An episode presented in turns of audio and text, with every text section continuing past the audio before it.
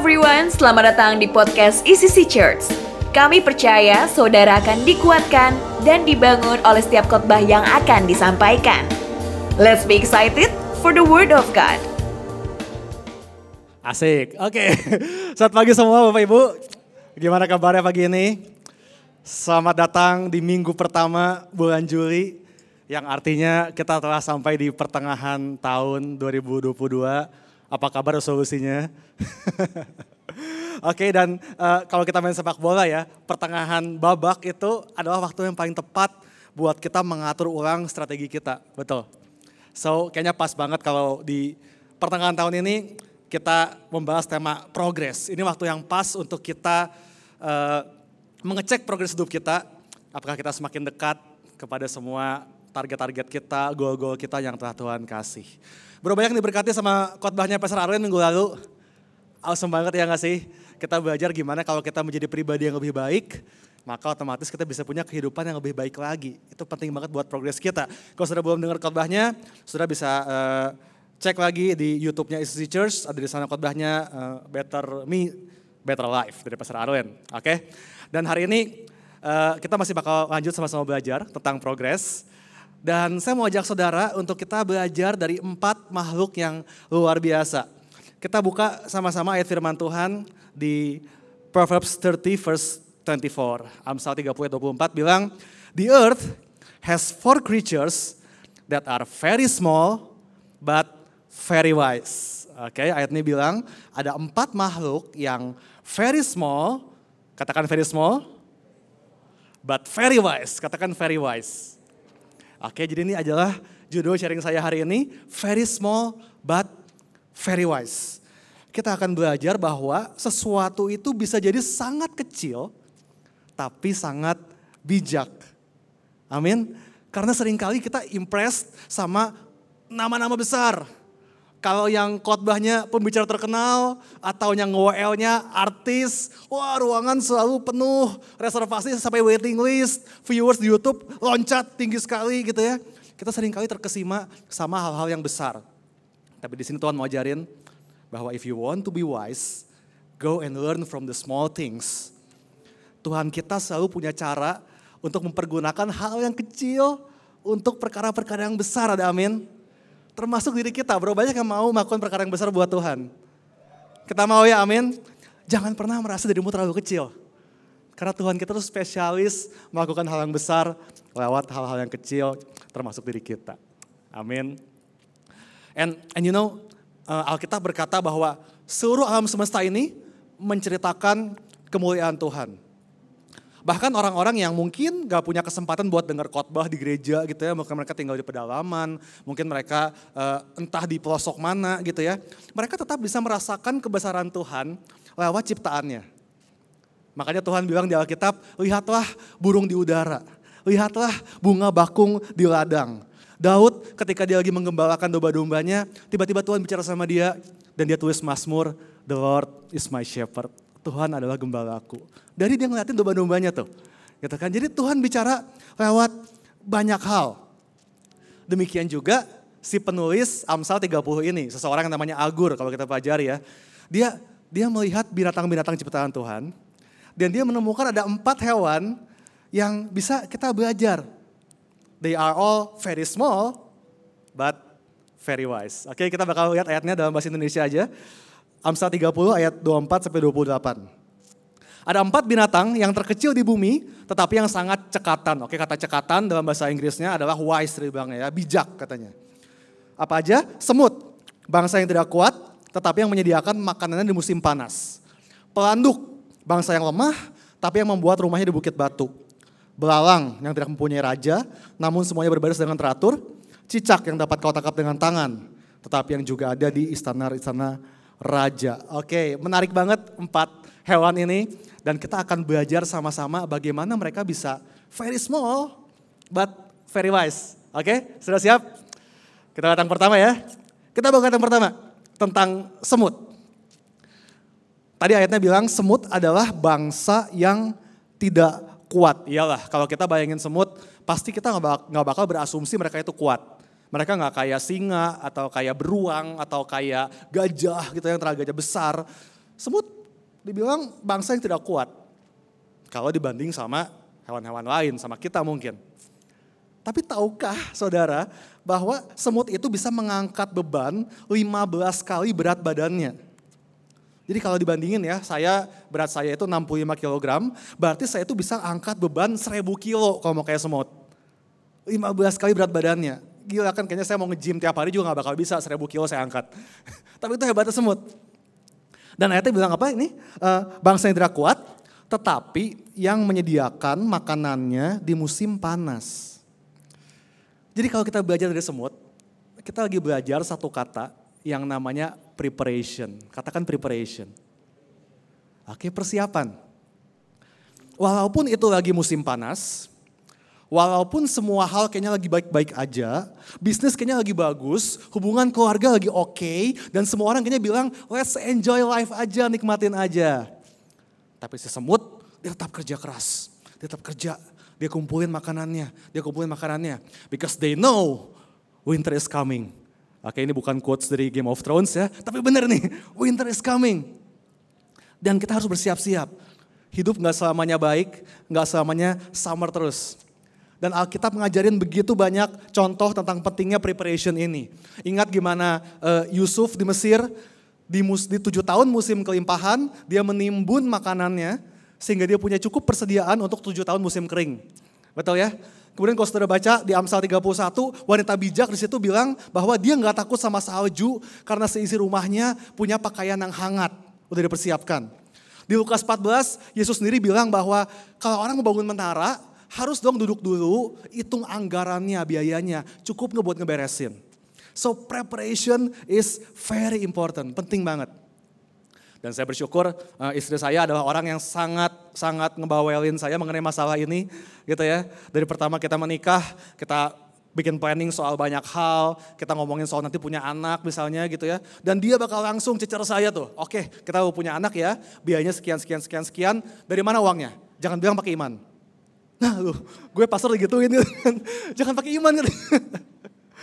Tapi bener juga ya kalau saya pikir, beriman harus, tapi kan iman tanpa perbuatan adalah mati. We need to do something. Kita, kita perlu bikin budgetingnya. Tentu ini mau nabung berapa tiap bulan. Kerja dengan maksimal selagi bisa. Because winter is coming. Benar kan? Segala sesuatu sudah planningnya. Ada hitungannya. Kalau kita mau ngajuin proposal bisnis buat investor, kita bakal bikin dulu tuh yang namanya feasibility study, betul kan? Kita kita kita tulis tuh estimasi modalnya berapa, estimasi pemasukan berapa, perkiraan untung ruginya gimana. Kalau nggak ada itu, gimana caranya investor mau invest ke proposal kita?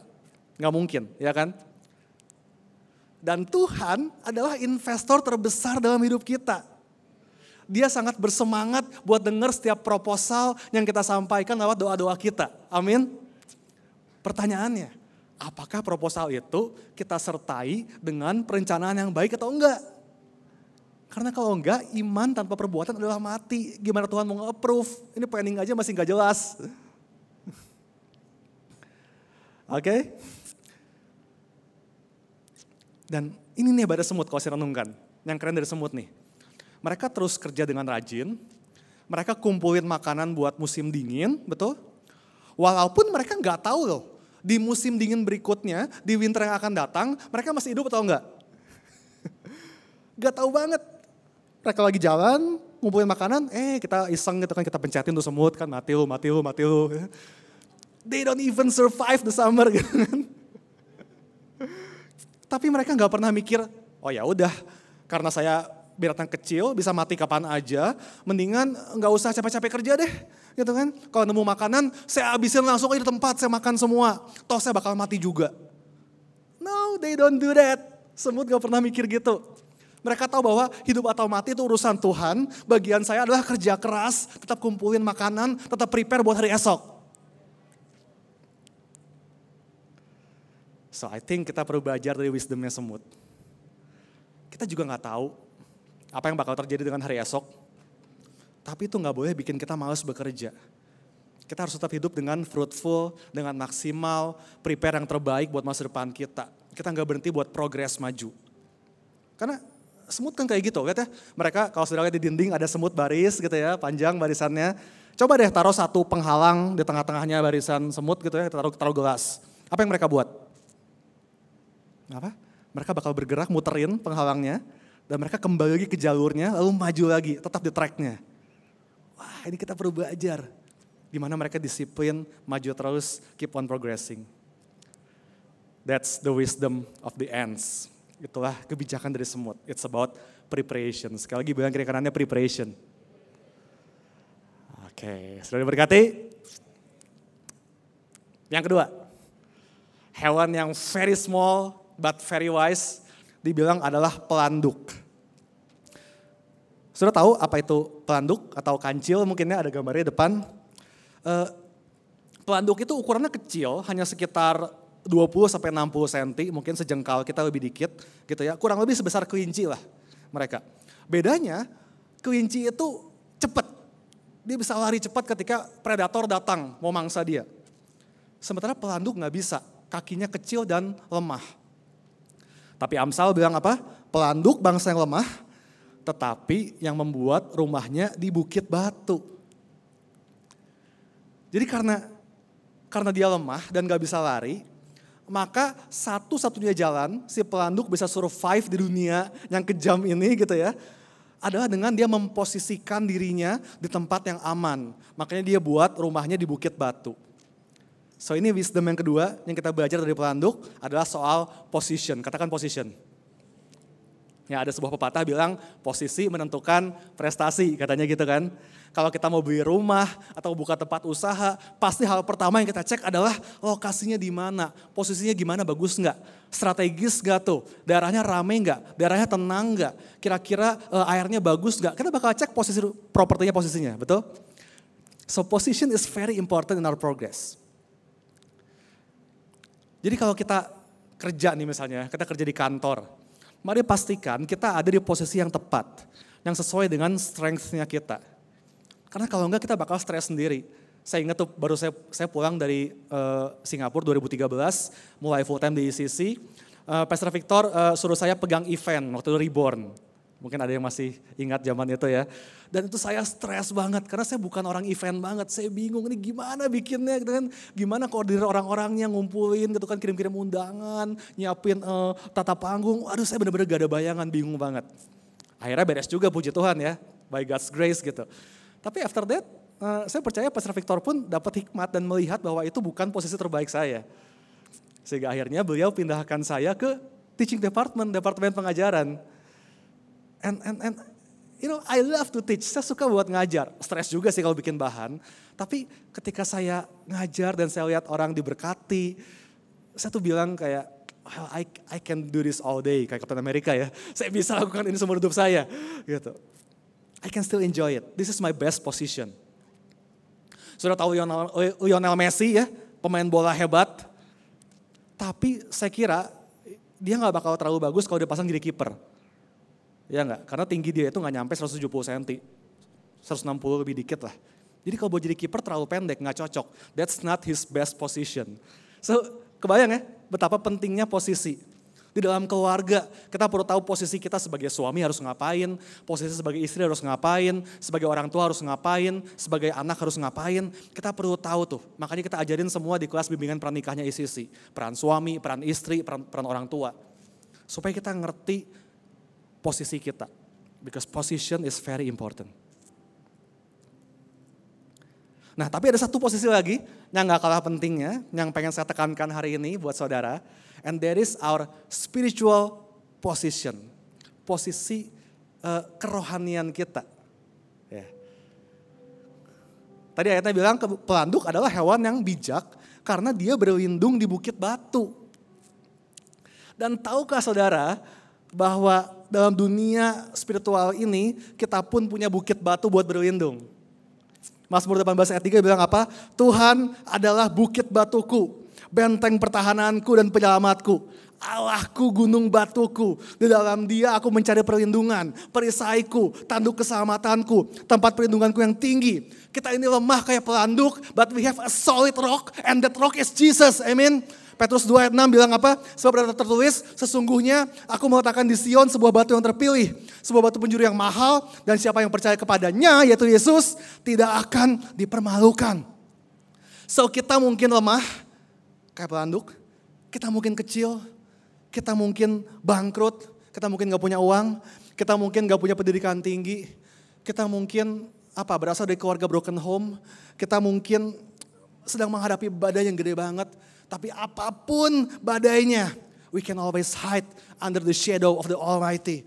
Kita bisa berlindung di bawah naungan Allah yang maha tinggi. Dan saat kita berlindung di situ, maka no weapons form against us shall prosper. Apa pun senjata yang iblis siapkan buat melawan kita, nggak akan bisa menghancurkan kita. Karena kita berlindung di bawah bukit batu keselamatan kita. Amin. So kuncinya adalah memposisikan diri kita di bawah kasih karunia Tuhan. We must position ourselves under His grace. Menyadari bahwa kita ini lemah. Dan tanpa Tuhan kita nggak bisa apa-apa. Dan firman Tuhan bilang, saat kita menyadari itu, maka di dalam kelemahanku lah kuasa Tuhan menjadi sempurna. He is our rock of salvation. Dan itulah wisdom dari pelanduk. It's about position. Katakan sekali lagi position. Wow, masih semangat? Diberkati so far? Mau dengar yang ketiga? Oke, lanjut yang ketiga ya. Yang ketiga, hewan ketiga yang disebut oleh penulis Amsal tadi, yang very small but very wise, adalah belalang. Oke, kita bakal ngobrol soal belalang ini. Ini menarik banget. Tadi semut bicara soal preparation, kemudian pelanduk bicara soal position, maka belalang ini bicara soal partnership. Oke, partnership. Bekerja sama. Nah, jangan salah. Belalang ini sejatinya ini adalah tipe hewan yang penyendiri. Mereka biasa kalau saya baca artikelnya, mereka biasa keluar di malam hari untuk menghindari ketemu sama sesamanya. Ya mereka tipe hewan introvert lah, mereka nggak mau gaul banyak-banyak. Dan ketika belalang itu sendirian, mereka nggak berbahaya tuh. Bahkan mereka di, dijadiin makanan. Nah, kalau kita baca Alkitab, Yohanes Pembaptis di padang gurun, dia tiap hari makannya ya itu belalang goreng madu gitu kan, dimakanin sama Yohanes. Jadi sendirian they are harmless, nggak bahaya. Tapi hati-hati.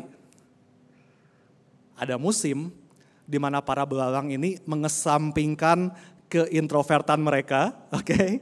Dan mereka berkumpul bersama menjadi satu kawanan, locust swarm. Dan kalau mereka udah bergerombol, itu mengerikan. Mereka ancaman besar untuk dunia agrikultur. Mereka bisa jadi wabah yang melahap habis apa pun yang ada di depan mereka. Saya mau kasih satu video mengenai serangan belalang. Ini terjadi di India belum lama, tahun 2020. Ada serangan uh, locust swarm di India. Dan ini dibilang sebagai salah satu wabah terparah yang pernah terjadi di sana. Video pendek, kita lihat sebentar videonya.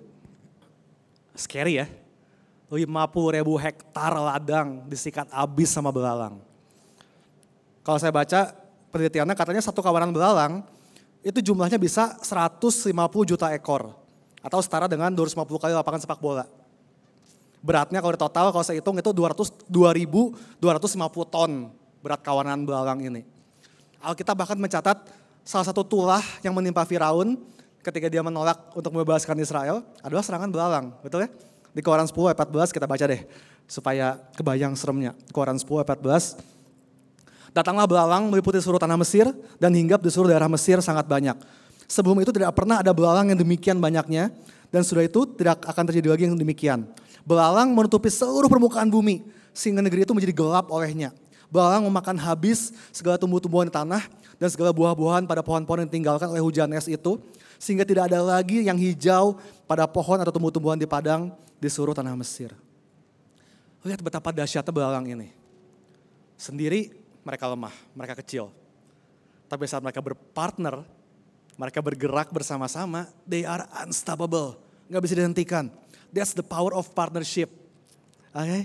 Dan sejak awal dunia diciptakan, Tuhan udah bilang apa? Tidak baik kalau manusia itu seorang diri saja. Betul? Pengkhotbah bilang bahwa berdua lebih baik daripada sendiri. Pemasmur bilang alangkah baiknya dan indahnya apabila saudara-saudara diam bersama dengan rukun. Jadi partnership itu memang penting banget. I like being alone, but when it comes to war, I don't want to fight alone. Saya suka sendirian, tapi kalau udah masalah perang, saya nggak mau perang sendiri. No, we should work together. Kita harus punya partnership ini. Dan pertanyaannya tentu partnership sama siapa? Nah, kita bakal lihat. Tadi kita lihat bahwa kawanan belalang, mereka menyerbu satu kota, dan mereka akan makan habis tuh semua ladang-ladang, itu nggak ada yang tersisa tanaman, pohon dimakan habis semua. So ini yang pertama, we need partnership with hungry people. Sama kayak belalang, mereka makan habis bareng-bareng tuh.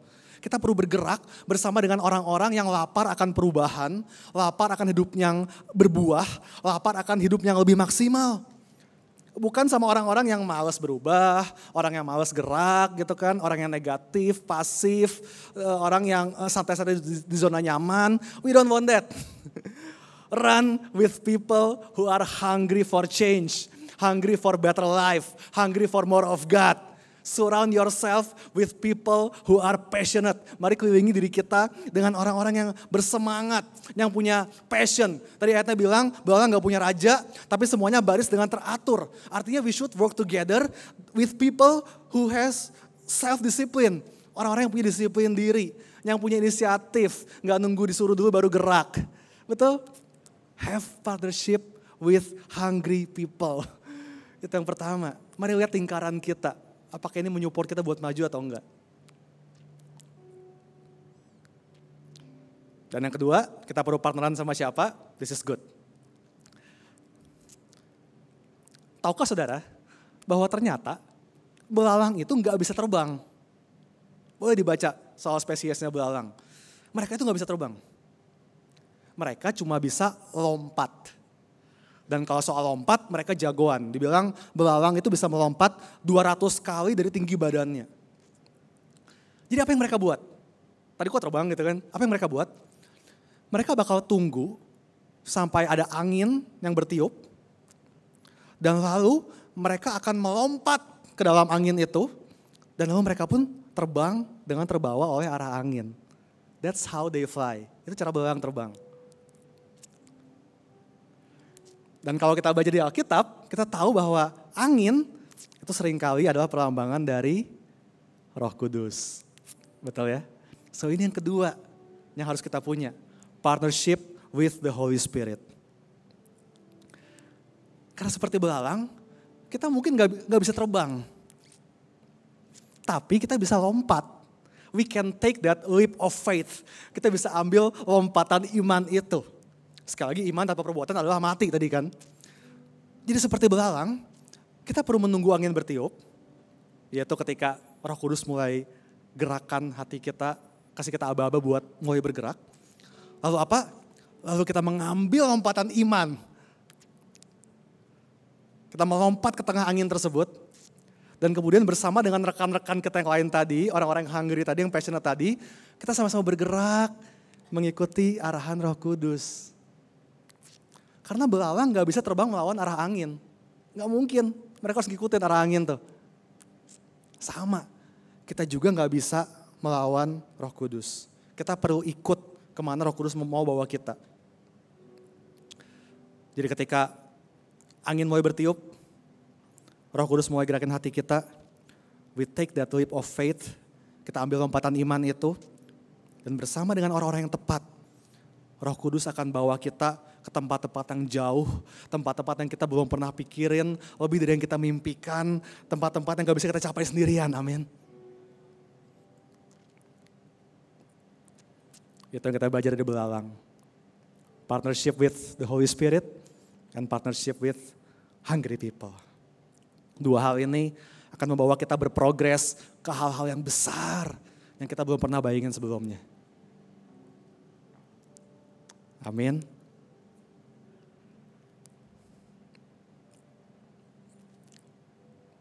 Terakhir, yang keempat. Hewan yang very small but very wise. Tadi Alkitab bilang yaitu adalah cicak. Ada beberapa terjemahan bahasa Inggris yang bilangnya spider atau laba-laba. Gak masalah, sama aja. Karena pelajarannya pun sama yang bisa kita ambil. Mau itu cicak, mau itu laba-laba. Kalau tadi semut bicara preparation, pelanduk bicara position, belalang bicara partnership, maka terakhir cicak ini bicara soal penetration. Oke, okay? kemauan dan daya juang kita untuk berpenetrasi, menerobos masuk di tengah semua penghalang yang ada. Kan cicak itu binatang yang sebenarnya kalem ya nggak sih? Dia nggak banyak ngomong, dia sabar, dia pelan-pelan, diam-diam merayap, datang seekor nyamuk, hap, lalu ditangkap gitu kan. Apa-apa juga sama lah, dia bikin jaringnya pelan-pelan, tunggu peluang datang, maksa datang, hap, lalu ditangkap. Tapi yang luar biasa dari dua hewan ini adalah mereka tuh selalu menemukan jalan masuk. Iya gak sih? Tadi ayatnya bilang bagus banget tuh. Eh, Amsal 30 cicak dapat kau tangkap dengan tangan, tetapi yang juga ada di istana-istana raja. Mari, mari, mari, mari renungkannya nih. Kalau kita bayangin istana raja, kira-kira dalamnya ada apa ya? Apa yang muncul di pikiran saudara kalau dengar kata istana raja? Pasti kita membayangkan, oh bangunan yang megah, dekorasi yang mewah, perabotan yang mahal dan indah, ya nggak sih? Kayaknya nggak ada dari kita yang ngebayangin di Istana Raja ada cicak nih kayaknya nih. gak ada betul? Kita nggak bakal mikir ke situ. Cicak itu nggak pernah masuk hitungan untuk ada di istana. But somehow they always manage to get there. Somehow mereka selalu berhasil masuk di rumah saya, aduh paling kesel banget lah, udah desain bagus-bagus, rapi-rapi, bersih. Ini bisa aja selalu cicak-cicak masuk, entah dari mana. Ya kan? Dan serang bayangin tadi, si cicak kecil ini merayap mendekati istana raja. Dan di pekarangan dia melihat istana yang megah. Dan cicak kecil ini bisa banget berpikir, well, I don't belong here. Ini kayaknya bukan tempat gue sih. Atau binatang-binatang yang lain gitu ya. Mereka mungkin bakal coba bilang ke cicak kecil ini, you don't belong there. Tempatmu bukan di sini semua dari semua barang yang ada di istana, you are not one of them. Engkau nggak layak ada di sini. Engkau nggak qualified buat masuk. Sama seperti ketika Daud datang ke badan perang, bawa makanan, kakak-kakaknya bilang apa? You don't belong here. Ngapain lu di sini? This is not your place. Tempat lu bukan di sini. Tempat lu di padang tuh urusin kambing domba bapak kita tuh sana. This is too big for you. Ketika kita mengejar hal-hal yang besar dari Tuhan, banyak orang bakal coba bilang itu sama kita. Udah gak mungkin. Lu gak akan bisa. That is too big for you. You don't belong there. Udahlah biasa-biasa aja. Betul? Tapi si cicak kecil ini. Dia gak peduli omongan orang. Walau semua orang bilang bahwa istana itu bukan tempat dia.